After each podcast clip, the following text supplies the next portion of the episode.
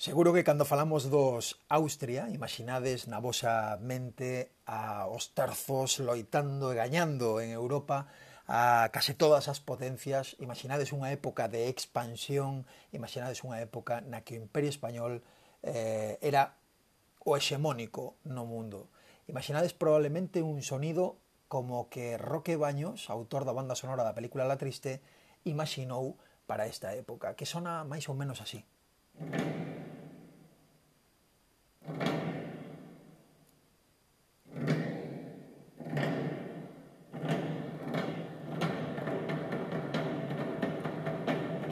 Case parece que pudiéramos avanzar no medio dos terzos como un soldado máis en plena fronte de batalla cara ao inimigo con potencia, con decisión, resoltos a gañar se me está indo a olla, verdad? Me encanta, porque eu sí vexo con esta música da banda sonora da La Triste, vexo esa época de apoxeo que houve nos primeiros Austrias. O que pasa é que esa época de apoxeo non se mantivo durante todo o reinado dos Austrias. Foi no século XVI, pero no 17, no seguinte século, entramos nunha época de decadencia. E é por iso que a eses Austrias se lles denominou Austrias menores. Foron Felipe III, Felipe IV e Carlos II. E este, precisamente, Carlos II será o último do rei dos Austrias, porque morre sen un descendente natural, morre sen fillos que poida situar no trono para sucedelo a él. Así que fai algo absolutamente inesperado Carlos II, que é que no seu testamento nomea herdeiro da coroa de España a Felipe de Anjou. E Felipe de Anjou era, ollo, o neto do rei de Francia, era un Borbón, É dicir, que Carlos II, en vez de buscar alguén da súa propia familia, un Habsburgo, un Austria, como chamamos aquí coloquialmente, busca a alguén casi da familia enemiga, da dinastía enemiga en Europa, busca a un Borbón, ao neto do rei de Francia. O rei de Francia naquele momento era Luis XIV. Para que vos faedes unha idea do temido e todopoderoso que era este tío, seguro que eh, lembrades a expresión o rei sol.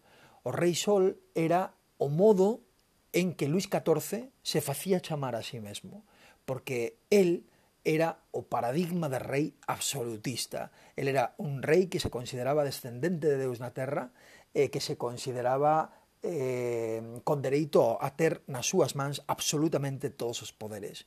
Así que imaginade a reacción do resto de países europeos cando souberon o que Carlos II puxera pois, no seu testamento. Uah, increíble, se botaron as mans a cabeza porque inmediatamente pensaron como os Borbón, a mesma familia reinando en Francia, que era xa prácticamente a primeira potencia de Europa, nos adiantara, e no enorme imperio español, o sea, nin de coña. Eso foi o que dixeron o resto de potencias europeas. Por que, antes de, de, de analizar o que pasou a partir de aí, por que pensades que Carlos II optou por esta opción francesa, chamémoslo así, optou polos Borbón. Bueno, pois se pensa que Carlos II optou polos Borbón porque lle pareceu que era a opción que mellor aseguraba a continuidade do Imperio Español tal e como tal e como se fora conformando nos últimos séculos. É dicir, se alía coa familia máis forte de Europa ou do mundo nese momento porque pensa que así o Imperio Español conservará mellor todo o que tiña naquel momento e conservara mellor a súa identidade a que definía, por exemplo, o seu carácter católico, porque os Borbóns tamén o eran, vale? Os Austrias non, pero os Borbóns sí. Así que Esta elección, como digo, que bueno, pode estar máis ou menos justificada desta maneira, non é aceptada por todos. É así que os Habsburgo desde Centro Europa, considerándose dañados, van a propoñer a un candidato propio, non van a aceptar a Felipe Danjú como herdeiro do trono, tal e como deixara Carlos no seu testamento, non o van a aceptar e van a propoñer, como digo, un candidato propio que vai a ser chamado o archiduque Carlos.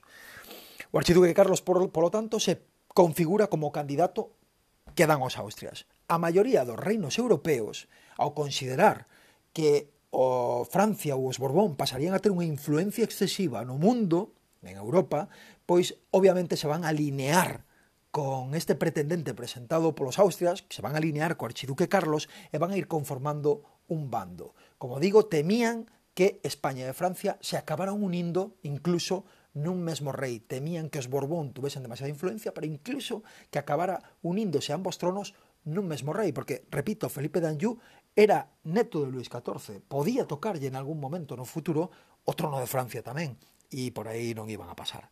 Así que isto este, este testamento de Carlos II y este desacuerdo en torno que decía, origina un conflicto bélico, origina, un, origina una guerra internacional, de dimensión internacional, que durou desde 1701, desde o ano posterior á morte de Carlos II, hasta 1713, no que empezan xa a asinarse tratados de paz de cara a, bueno, a resolver este problema que levou a guerra.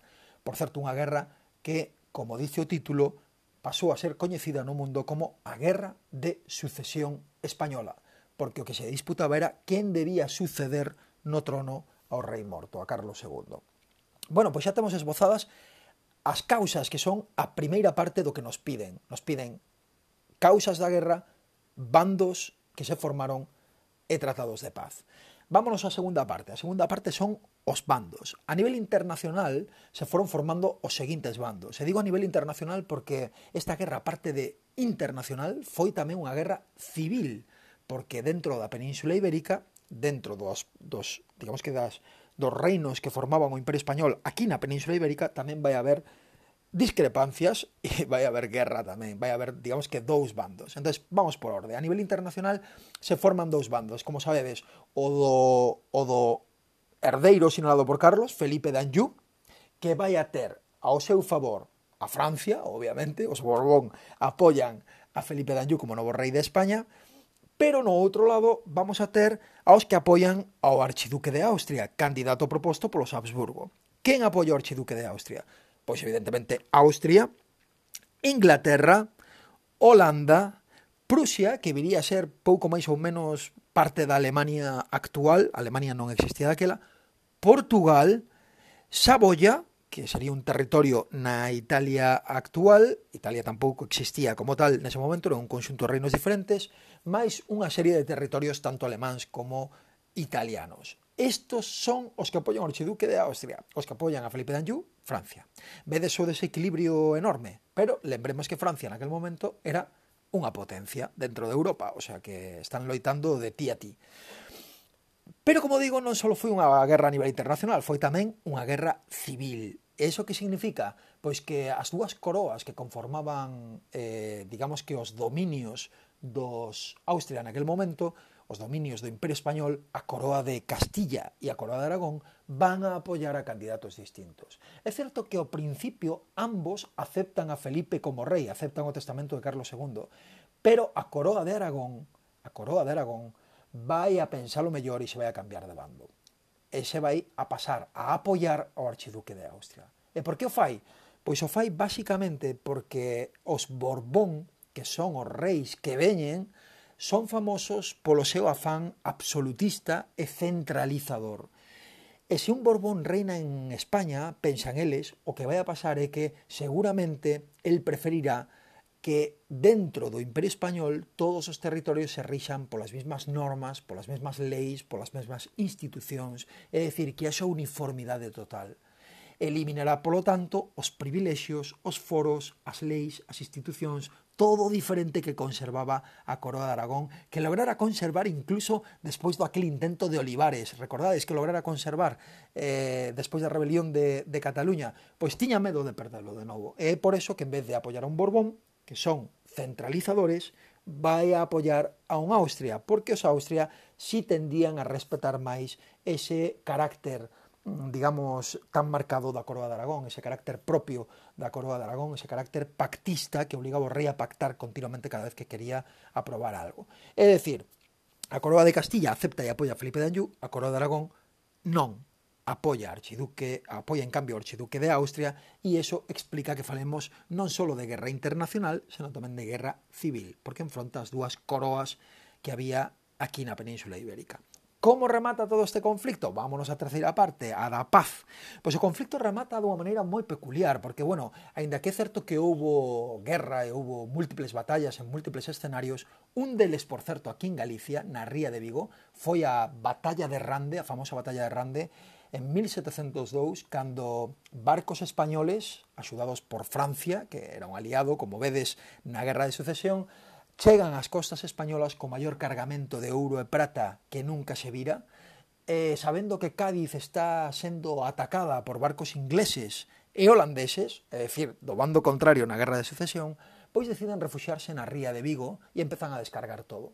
E os ingleses que fracasaron no seu intento de tomar Cádiz e retornan co rabo entre as pernas a Reino Unido, sen nada, eh, digamos que na mochila, pois se enteran por un chivatazo de que os barcos, de que estes barcos españoles e franceses co maior cargamento traído nunca de América están refugiados no interior da ría de Vigo, máis alo da ponte de Rande, que non existía obviamente daquela, máis alo do estreito de Rande e que están descargando todo. E aí entran pola ría de Vigo e se monta unha monumental pájara, eh, unha monumental guerra, unha monumental batalla, mellor dito, a, que acaba con gran parte da flota española afundida, eh, non se sabe se comparte o cargamento afundido ou non. Pero bueno, esta batalla, a de Rande, en 1702, estaría precisamente neste contexto, no contexto da guerra de sucesión. É un exemplo que sempre podedes poñer eh, cando vos toque explicar isto, mencionalo en un par de liñas, vale? Para non irse moito do, do tema, porque ademais a extensión que nos dan é de unha cara de folio. Así que nada, se queredes facelo, alusión á batalla de Rande e continuamos. Estamos coa paz, digo, e o conflicto remata cando morre o emperador de Austria. O emperador, o emperador era o archiduque, era o, o proposto... No, no, non era a mesma persona. Morre o emperador do territorio de Austria e que pasa? Que o que vai a herdar ese trono imperial de Austria vai a ser o outro candidato polo que se estaba loitando, o archiduque Carlos. Este archiduque Carlos pasa a herdar ese imperio E eso inmediatamente remata coa guerra, no sentido de que o resto de potencias que están loitando ven tan perigoso que un tío que ocupa o trono imperial de Austria ocupe o trono do Imperio Español como que unha persona que un Borbón, neste caso, que pode reinar en Francia, reine tamén no Imperio Español. É dicir, tan perigosa unha opción como outra desde este momento. Co cal, varias potencias deixan de loitar e buscan un acordo de paz. Buscan un acordo que contente a todos. Así que en 1713 asínase o ese primeiro acordo de paz, é o Tratado de Utrecht. Utrecht é moi importante que o lembredes. O Tratado de Utrecht recoñecía a Felipe V como rei de España. Vale? O recoñece como rei de España. Vale, aceptamos a Felipe V, pero a cambio de unha serie de concesións aos países que loitaban no bando do archiduque de Austria. E esas concesións foron un que Felipe debía renunciar aos seus dereitos ao trono de Francia. Se algún día lle tocase eh, na liña sucesoria herdar o trono de Francia, debía decir que non, debía renunciar. O segundo é que debía entregar unha serie de territorios. Por exemplo, a Austria, territorios que pertencían ao Imperio Español ata ese momento, non eran seus personales, eran do Imperio Español, e mirade o que se entregou.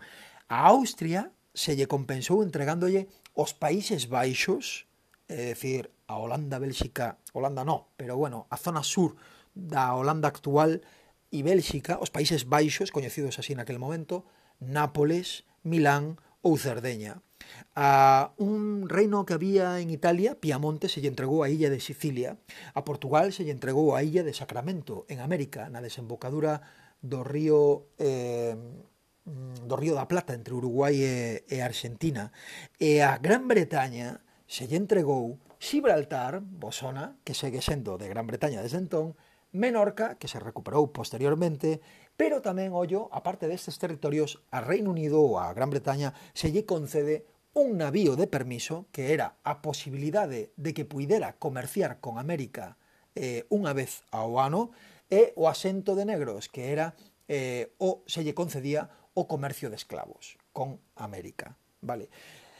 Estas concesións son as que se asinan no Tratado de Utrecht, de Utrecht perdón, como uh, requisito para asinar a paz. Así que así remata a Guerra de Sucesión no en Europa. En España a guerra vai a continuar uns anos ata a conquista completa da coroa de Aragón por parte de Felipe V a que, como sabedes, isto explicaremos nunha seguinte ocasión, lle vai a impoñer como castigo os decretos de nova planta, eliminando todos os privilexios, tal e como temían, todas as normas, todas as leis e institucións propias que a Coroa de Aragón viña tendo desde había séculos. Pero isto contarémolo no seguinte episodio.